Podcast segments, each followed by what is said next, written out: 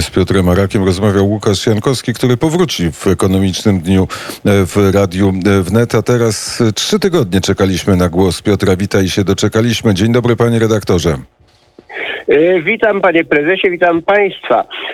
No, obchodziliśmy ostatnio dwie ważne rocznice. 19 kwietnia rocznicę powstania w getcie warszawskim i miesiąc wcześniej rocznicę pożaru katedry Notre Dame. W mojej książce Komu Polska przeszkadza, wydanych tych dniach, proponuje również uczczenie 17 kwietnia, bardzo ważnej rocznicy.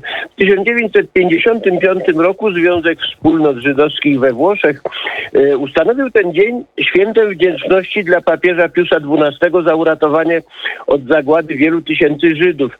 Na terenie samego Watykanu ocalono ich 447.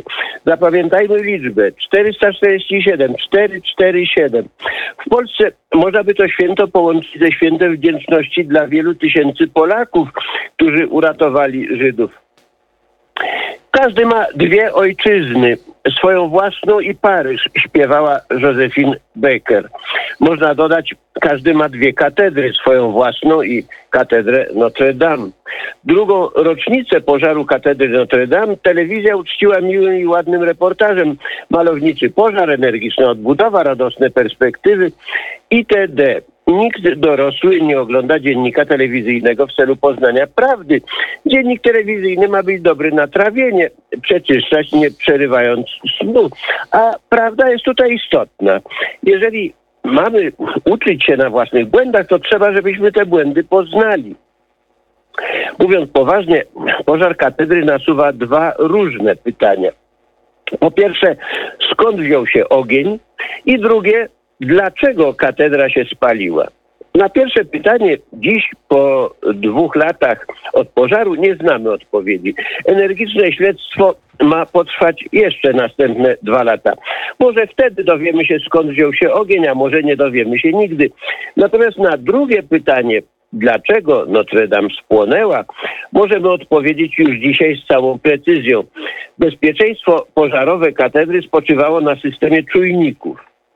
Detektory ognia były od 2014 roku rozmieszczone w kilkudziesięciu punktach olbrzymiego gmachu.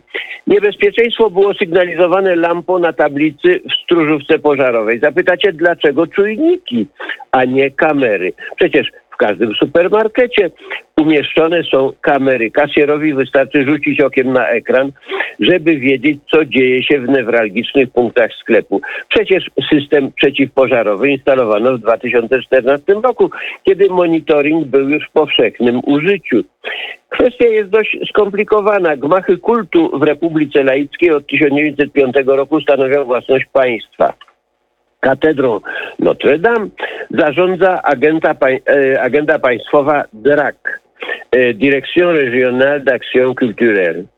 Kobieta na czele DRAC-u regionu paryskiego uznała, że kamery to za wielki wydatek. Lepiej zainstalować czujniki, mniej operatywne, ale tańsze.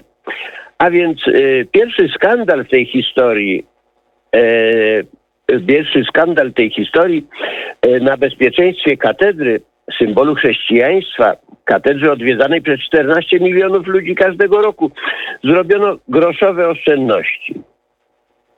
Każdy, kto widział strych Notre Dame o powierzchni ponad pół hektara, wie, że aby dotrzeć do jego odległych punktów, trzeba przedrzeć się przez las belkowań. Czujniki okazały się zresztą wadliwe, wysyłały wielokrotnie fałszywe sygnały. Za każdym razem dyżurny strażnik szedł zobaczyć, co się dzieje i wracał uspokojony. Strażnicy pisali w tej sprawie raporty do władz zwierzchnich. W ciągu pięciu lat wysłali ich ponad 750. Rezultat? Kobieta na czele draku, pochwalona zapewne przez wierzchników za oszczędne gospodarowanie, dokonała następnego cięcia. Od 2015 roku zamiast dwóch był już tylko jeden strażnik. 15 marca 2019 roku człowiek był nowy. Otrzymał przeszkolenie dwa razy po dwie godziny. O godzinie 18.18 .18 ujrzał świetny sygnał alarmowy obok szyldziku Kombl, strych. Dla oszczędności dwa strychy katedry i zakrystii umieszczono pod wspólnym szyldem strychy. Zakrystia stanowi osobny budynek. Strażnik skierował kroki tam i nic nie znalazł. Tymczasem podczas mszy w katedrze włączył się automatycznie sygnał alarmowy i głośniki nakazywały opuścić świątynię. Po następnych kilkunastu minutach, e, kiedy alarm nie ustawał, strażnik wszedł na strych katedry i wreszcie ujrzał ogień. Zatelefonował do swego zwierzchnika, który w końcu wezwał straż pożarną o godzinie 18.51, to znaczy 33 minuty od e, pojawienia się ognia. Strażacy przybyli najszybciej jak to możliwe z remizy przy ulicy Kardynal Lemoine oddalonej o kilometr. Niegdyś duża remiza strażacka znajdowała się na wyspie tuż obok, na sąsiedniej ulicy, gdzie tereny budowlane są bezcenne. Strażacy mówią, w pierwszej minucie pożar można ugasić szklanką wody. Po dwóch minutach potrzeba wiadra, po trzech tony. Pożaru katedry Notre Dame nie można już było ugasić po 40 minutach. Kiedy rozpoczęto akcję o godzinie 19, starano się już tylko ograniczać szkody.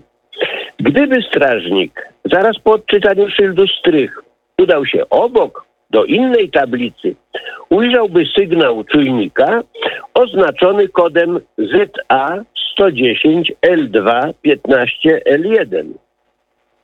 W innym repertuarze odnalazłby wśród kilkudziesięciu kodów, że ZA 110 L2 15 L1 odpowiada czujnikowi umieszczonemu w, krzy, e, w krzyżówce transeptu e, prawie nad ołtarzem.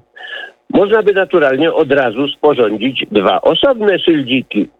Napisać strych katedry na jednym i strych zakrystii na drugim, żeby uniknąć tragicznego nieporozumienia. Ale pokusa oszczędności i mania e, kodów były tak silne, więc e, budżet odbudowy wynosi obecnie miliard euro. Nie wiadomo, czy wystarczy pieniędzy na wszystko. I z tym e, pytaniem Piotr Wit chce nas e, pozostawić. To może e, do tego dodajmy jeszcze widok wspaniałych gór, które nigdy nie spłoną. No tak, góry tak. Przede mną jest właśnie góra, która się nazywa Turra.